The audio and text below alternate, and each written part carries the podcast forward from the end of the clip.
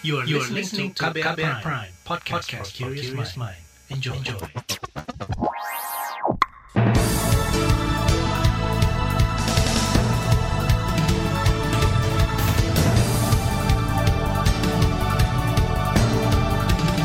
Selamat pagi saudara, jumpa lagi di program Buletin Pagi edisi Rabu 22 Desember 2021. Sejumlah informasi pilihan telah kami siapkan di antaranya tagar No Viral No Justice memprotes kinerja Polri yang mengecewakan. Satgas COVID-19 kecewa angka perjalanan internasional masih tinggi. Kepala daerah diminta terbitkan peraturan penggunaan aplikasi peduli lindungi. Inilah Buletin Pagi selengkapnya. Terbaru di Buletin Pagi. Buruknya kinerja Polri kembali disuarakan masyarakat kali ini melalui munculnya tagar No Viral No Justice. Tagar ini merespon kasus anggota kepolisian yang membiarkan laporan masyarakat terkait perampokan di kawasan Jakarta Timur pekan lalu. Menurut Kapolri Listio Sigit Prabowo, munculnya tagar bernada protes itu harus dijadikan momentum bagi Polri untuk memperbaiki kinerja Korps Bayangkara. Bahkan yang terakhir muncul fenomena tagar viral for justice. Ini kemudian sudah melekat di masyarakat bahwa harus viral, karena kalau tidak viral maka prosesnya tidak akan berjalan dengan baik. Di satu sisi, tentunya kita harus menerima semua persepsi-persepsi yang muncul di publik ini sebagai bagian dari evaluasi, bagian dari kritik terhadap kita, dan tentunya ini adalah waktunya kemudian kita memperbaiki, berbenah untuk kemudian melakukan hal yang lebih baik untuk memenuhi harapan masyarakat. Itu tadi Kapolri Listio Sigit Prabowo. Sementara itu juru bicara Polri Ahmad Ramadan berjanji Polri akan terus memperbaiki diri khususnya pada divisi pengawasan seperti Propam. Ahmad mengakui kinerja Polri masih perlu diperbaiki termasuk soal kurang ramahnya anggota kepolisian di lapangan selain keterbatasan sumber daya manusia. Saat ini jumlah anggota Polri mencapai lebih dari 416 ribu orang. Jumlah itu disebut masih kurang ideal. Kepolisian daerah dengan personel terbanyak adalah Polda Jawa Timur Timur dengan lebih dari 41 ribu orang. Sementara itu dalam anggaran Polri tahun ini yang mencapai 112 triliun rupiah lebih, salah satunya dialokasikan untuk profesionalisme SDM, selain penyelidikan dan penyidikan pidana, modernisasi peralatan, pemeliharaan Kamtipmas, dan program dukungan manajemen. Komisioner Komisi Kepolisian Nasional Kompolnas Pungki Indarti mengungkapkan dalam satu tahun Kompolnas menerima 3 hingga 4 ribu aduan masyarakat terkait pelayanan Polri yang buruk. Tak heran muncul berbagai tagar di media sosial, termasuk tagar No Viral No Justice yang memprotes buruknya kinerja kepolisian saat ini. 80 persen itu di antaranya terkait dengan dugaan pelayanan buruh. Nah, um, 90 persen dari yang diadukan ke Kompolnas, kebanyakan itu um, menyangkut kinerja reserse. Nah, oleh karena itu ini mesti harus jadi perhatian. Yang kami lihat sih sebetulnya tahun ini ya Pak Kapolri sudah ada um, progres uh, dalam hal misalnya uh, pengaduan itu mereka membuat call 110 misalnya supaya lebih mudah uh, bisa diakses dan bisa ditindaklanjuti. Kemudian ada Dumas Presisi. Komisioner Kompolnas Pungki Indarti menambahkan Komisi Kepolisian Nasional sebagai lembaga pengawas terus berkoordinasi dengan Kapolri, salah satunya membentuk wadah bagi masyarakat mengadukan masalahnya secara cepat dan tepat. Misalnya masyarakat yang butuh bantuan dan pertolongan polisi bisa menghubungi nomor telepon darurat 110, ada juga aplikasi pengaduan masyarakat atau Dumas Presisi. Sementara itu, Wakil Ketua Komisi Bidang Hukum di DPR, Ahmad Sahroni, meminta Polri menyikapi serius munculnya tagar No Viral No Justice. Sahroni mendorong Kapolri Listio Sigit Prabowo segera memerintahkan jajarannya melakukan evaluasi dan memperbaiki diri serta institusi. Sahroni juga mengakui kinerja Polri hingga kini masih belum kunjung membaik. Untuk itu, masyarakat diminta melapor jika menemukan berbagai pelanggaran oleh anggota kepolisian. Hasil survei Carta Politika Indonesia menunjukkan sebanyak kurang dari 45 persen responden menilai kondisi penegakan hukum di Indonesia masih buruk. Direktur Eksekutif Carta Politika Indonesia Yunarto Wijaya mengatakan buruknya kondisi penegakan hukum menjadi pekerjaan rumah lembaga penegakan hukum termasuk Polri. Ini mungkin harus dibahas khusus tentu saja ini terkait dengan kinerja aparat penegak hukum, terkait dengan beberapa kasus putusan pengadilan, terkait dengan isu-isu atau hearing terkait dengan aparat penegak hukum baik di level elit atau di level uh, bawah itu yang saya perlu jadi catatan Direktur Eksekutif Carta Politika Indonesia Yunarto Wijaya menambahkan bila dibandingkan dengan kondisi tahun lalu, maka penegakan hukum di Indonesia tahun ini sangat mengalami penurunan.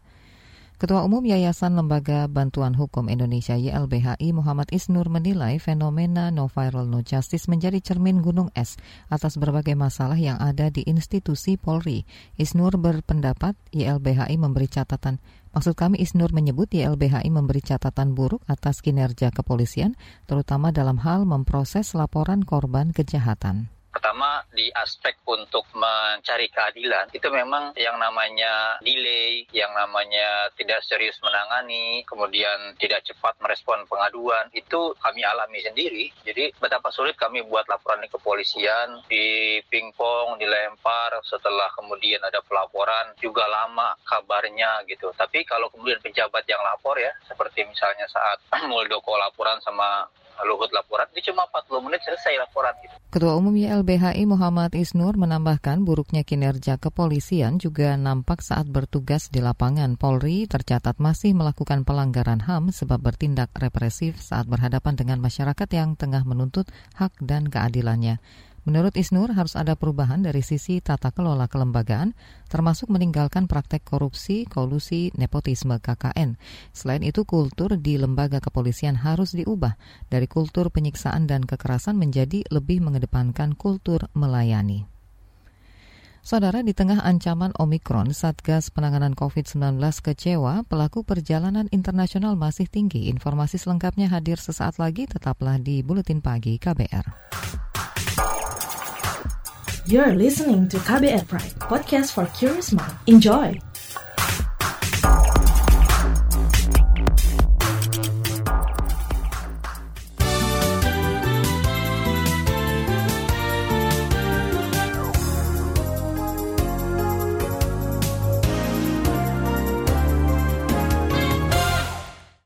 Presiden Joko Widodo menargetkan kawasan industri hijau di Kabupaten Bulungan, Kalimantan Utara akan menjadi yang terbesar di dunia.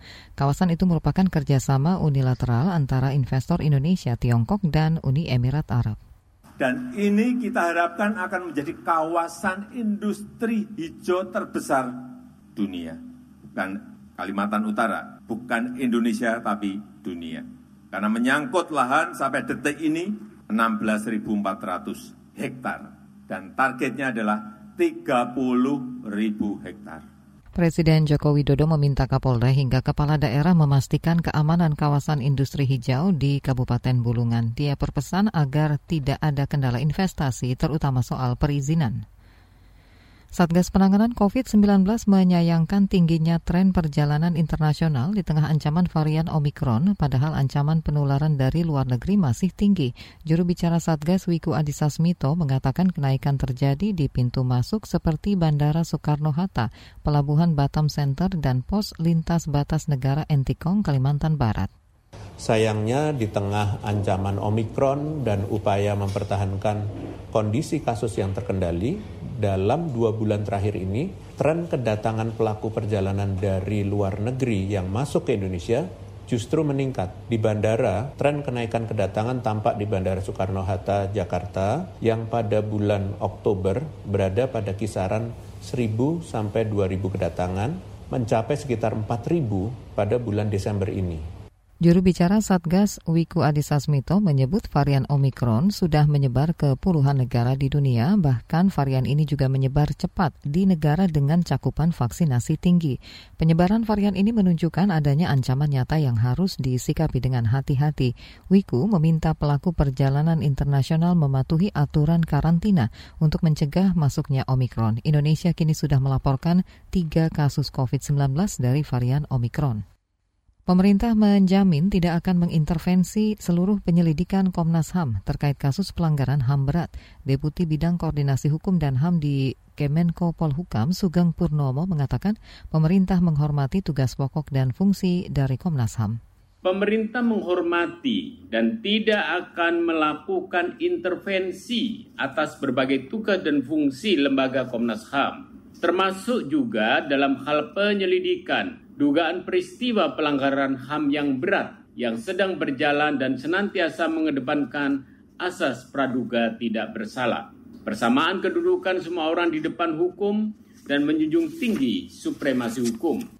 Itu tadi Deputi Bidang Koordinasi Hukum dan HAM di Kemenko Polhukam Sugeng Purnomo. Sementara itu Wakil Ketua Komnas HAM Amiruddin Al-Rahab menyampaikan lebih dari 50 persen aduan yang masuk ke Komnas HAM terkait dengan hak atas kesejahteraan. Fakta ini menurut Amiruddin membuktikan masalah kesejahteraan masih jadi persoalan serius di Indonesia. Kita beralih ke informasi ekonomi. Jelang Natal dan Tahun Baru, harga sejumlah komoditas terus mengalami kenaikan. Ketua Umum Ikatan Pedagang Pasar Indonesia IKAPI, Abdullah Mansuri menyebut harga minyak goreng, daging sapi, cabai rawit mengalami kenaikan signifikan. Menurutnya kenaikan harga itu disebabkan kurangnya pasokan komoditas. Abdullah juga mengkritik pemerintah yang seolah tidak punya desain besar untuk menstabilkan harga komoditas pada setiap akhir tahun dan hari-hari besar lainnya tapi beberapa komoditas yang naik, kalau minyak goreng sudah jelas ya. Daging, daging itu yang paha belakang 135, yang eh, sapi murni sekitar 129 lah.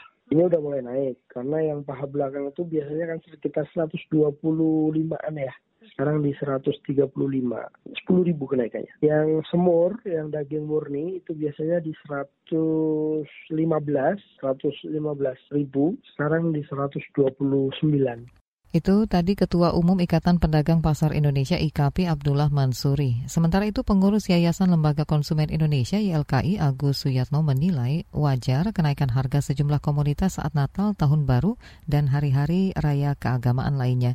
Tapi khusus untuk kenaikan harga minyak goreng yang kini sudah mencapai Rp20.000 per liter, YLKI meminta pemerintah melakukan penyelidikan sekaligus menurunkan harganya di pasaran. Kita ke mancanegara, Presiden Korea Selatan Moon Jae-in meminta rumah sakit segera menambah ketersediaan ranjang dan tenaga kesehatan untuk merawat pasien COVID-19. Dikutip dari Reuters, Korsel juga kembali memperlakukan aturan ketat pembatasan sosial pekan ini saat infeksi COVID-19 terus mencetak rekor kasus harian. Per minggu kemarin, infeksi harian COVID-19 di Korsel mencapai 5.300-an kasus baru. Keputusan mengembalikan aturan ketat itu diambil pemerintah Moon karena sistem medis negara kewalahan akibat lonjakan infeksi harian dan kasus serius. Saat ini tingkat keterisian tempat tidur perawatan intensif di rumah sakit mencapai 88 persen di Seoul dan 79 persen di seluruh Korsel.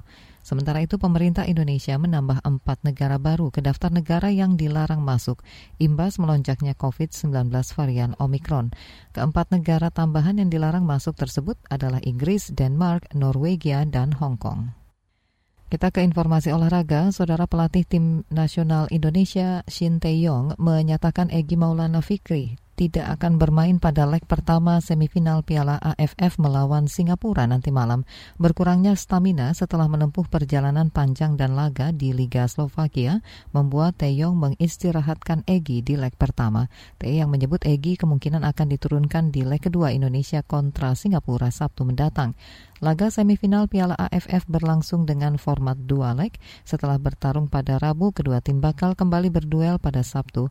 Saat ini Egi Maulana tengah dalam perjalanan menuju Singapura setelah Liga Slovakia memasuki jeda kompetisi tengah musim. Di bagian berikutnya kami hadirkan laporan khas KBR yang mengulas tema tentang kejar vaksin dosis kedua atau vaksin booster. Nantikan sesaat lagi. You're listening to KBR Pride, podcast for curious mind. Enjoy!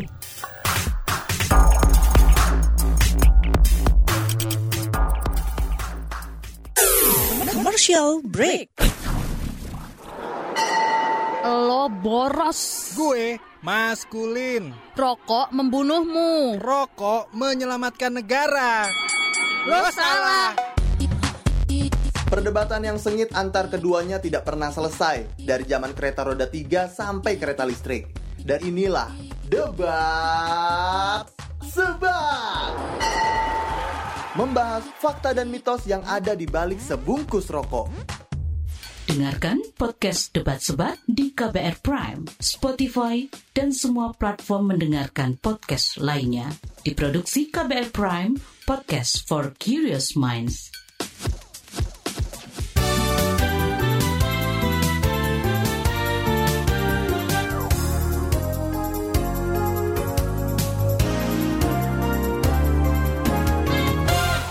Anda masih bersama kami di Buletin Pagi KBR. Pemerintah berencana mendistribusikan vaksin booster COVID-19 mulai awal tahun depan. Namun rencana ini menuai kritik. Apa alasannya? Berikut laporan khas KBR yang disusun Siti Sadida. Dibacakan Reski Mesanto.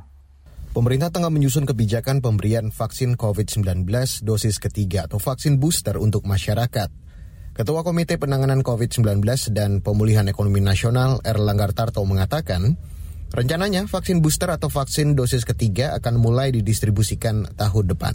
Vaksin booster akan dilakukan eh, revisi Perpres dan Permenkes dan pemerintah akan mengupayakan ini secepatnya dan proses uh, ini sedang melakukan kajian dosis ketiga dari beberapa produsen antara lain Pfizer, Sinovac, AstraZeneca yang sedang berproses di Badan POM. Nah kemudian arahan Bapak Presiden beberapa opsi untuk vaksin booster juga akan dipersiapkan untuk menggunakan vaksin merah putih, vaksin yang dikembangkan BUMN dengan Baylor, kemudian vaksin kerjasama dalam negeri termasuk yang masuk dalam program Merah Putih adalah UNER dan Biotis, kemudian Bio Farma dan Baylor College, kemudian Kalbe Farma, Genexin, dan uh, JBio dan Anhui, plus vaksin Nusantara. Ini akan segera dimatangkan dan disiapkan regulasinya, termasuk regulasi daripada harga masing-masing vaksin tersebut. Vaksin booster bagi masyarakat ini akan diberikan dalam dua skema, yakni gratis dan berbayar. Akan tetapi tak semua mengamini langkah pemerintah Epidemiolog dari Universitas Indonesia, Tri Yunis Miko tidak setuju dengan rencana pemerintah tersebut. Menurutnya, seharusnya pemerintah memprioritaskan dulu pemerataan vaksinasi COVID-19 dosis kedua di masyarakat. Tujuannya agar kekebalan kelompok terbentuk merata secara adil di seluruh daerah cakupan lansia aja yang kedua itu belum semuanya kabupaten kota itu 50 persen. Masa buat booster? Orang vaksin kurang itu yang selalu digaungkan oleh WHO. Pemerataan dulu lah. Sorotan serupa juga disampaikan kelompok masyarakat sipil. Pendiri Center Indonesia Strategic Development Initiative atau SISDI, Dia Saminarsi mengatakan, Pemberian vaksin booster pada saat vaksinasi dosis kedua belum merata justru dapat memperlebar ketimpangan akses vaksin di kalangan masyarakat. Padahal, seluruh kalangan masyarakat memiliki hak yang sama atas jaminan kesehatannya. Koalisi tidak menolak booster, tetapi yang kita inginkan adalah adanya equity, adanya keberadilan dalam pemberian akses vaksin untuk semua dan bahwa vaksin ini yang perlu dipentingkan adalah dosis lengkap yang harus ada untuk semua orang dulu, untuk seluruh masyarakat, baru kemudian berbicara mengenai booster. Karena booster yang diberikan terlalu cepat itu membuka kemungkinan ketimpangan atau inequity yang lebih besar karena adanya uh, supply yang mungkin masih belum cukup yang harus dipentingkan adalah mereka yang saat ini belum mendapatkan dosis pertama, dosis kedua maupun untuk yang membutuhkan orang-orang dengan imunokompromis atau lansia di atas 65 dosis ketiga. Jadi ada memang secara teknis ada kemungkinan bahwa orang-orang tertentu membutuhkan tiga dosis bukan dua, jadi lengkapnya adalah tiga bukan dua, tetapi publik itu secara umum membutuhkan dua dosis. Apabila kebijakan vaksin ini datang terlalu cepat atau timingnya tidak pas, maka itu akan memperbesar kemungkinan adanya inequity yang lebih besar. Karena saat ini masih ada kurang lebih 50% dari populasi di Indonesia yang belum mendapatkan vaksin dosis pertama dan dosis kedua, sehingga prioritas harus diberikan kepada mereka dulu, baru kemudian memberikan booster setelah itu. Sementara itu, anggota Komisi Kesehatan DPR Kurniasih Mufidayati menekankan agar pemerintah mengutamakan jaminan kesehatan yang adil bagi seluruh masyarakat, termasuk dalam pemberian vaksin. Apalagi setelah muncul ancaman baru varian Omikron yang diduga menyebar lebih cepat. Optimalisasi vaksin ini juga harus dikejar untuk vaksin kedua, karena mudah-mudahan dengan vaksin ini setidak-tidaknya bisa memberikan antibodi yang lebih baik kepada warga. Karena kan catatannya kan vaksin yang dosis kedua ini secara nasional masih belum mencapai 70 persen ya. Jadi ini harus dikejar di akhir Desember ini supaya mencapai di 70 persen. Syukur-syukur bisa di atas 70 persen. Saudara, laporan ini disusun Siti Sadida. Saya, Reski Mesanto. Saudara informasi dari berbagai daerah akan hadir usai jeda. Tetaplah bersama kami di Buletin Pagi KBR. You're listening to KBR Pride, podcast for curious mind. Enjoy!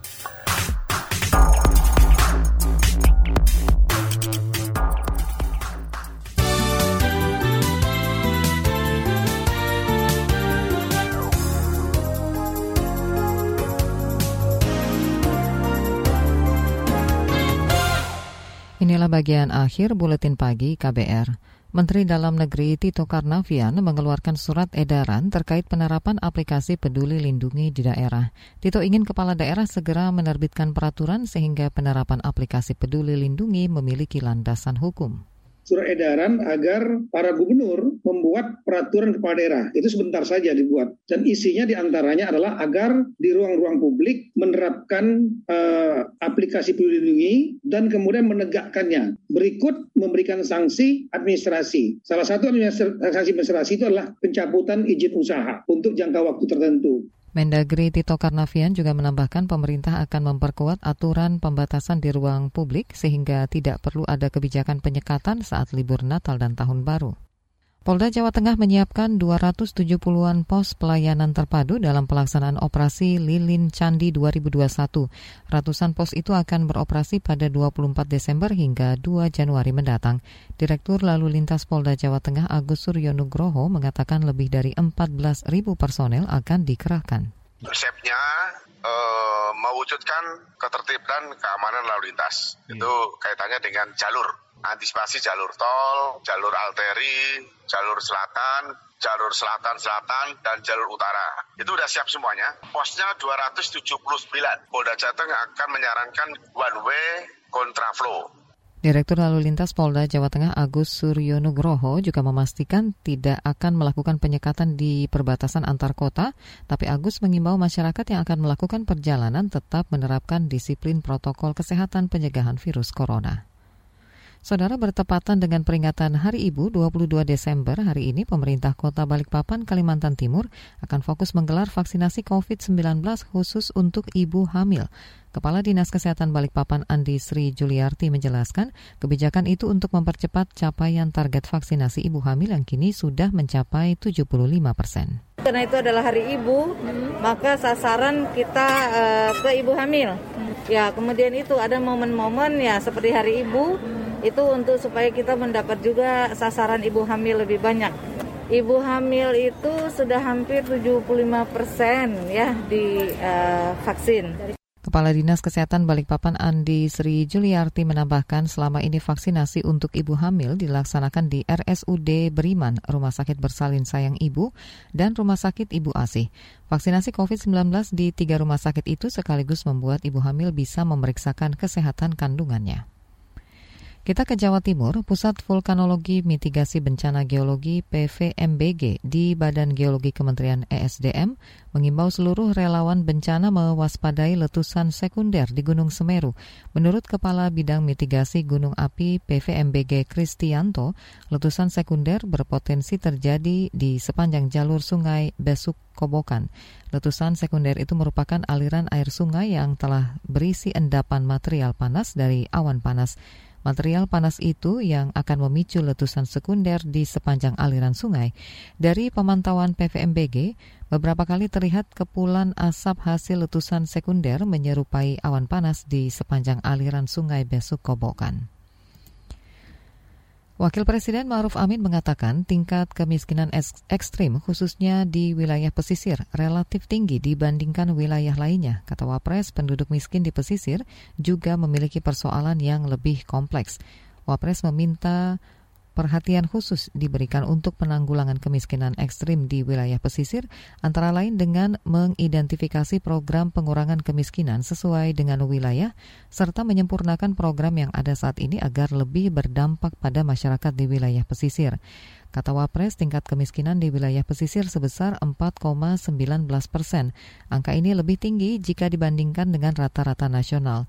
Dari jumlah penduduk miskin ekstrim sebesar 10,86 juta jiwa, 12,5 persen atau 1,3 juta jiwa di antaranya berada di wilayah pesisir. Kompleksitas kemiskinan ekstrim di wilayah pesisir disebabkan sejumlah faktor mulai dari masalah demografi, pendidikan rendah hingga minimnya akses layanan dasar. Selain itu, sebagian besar masyarakat pesisir adalah kelompok yang berusaha sendiri atau buruh tidak tetap. Informasi tadi menutup jumpa kita di Buletin Pagi hari ini. Pantau juga informasi terbaru melalui kabar baru, situs kbr.id, Twitter kami di akun @beritaKBR, serta podcast di alamat kbrprime.id. Saya Malika bersama tim yang bertugas undur diri. Salam.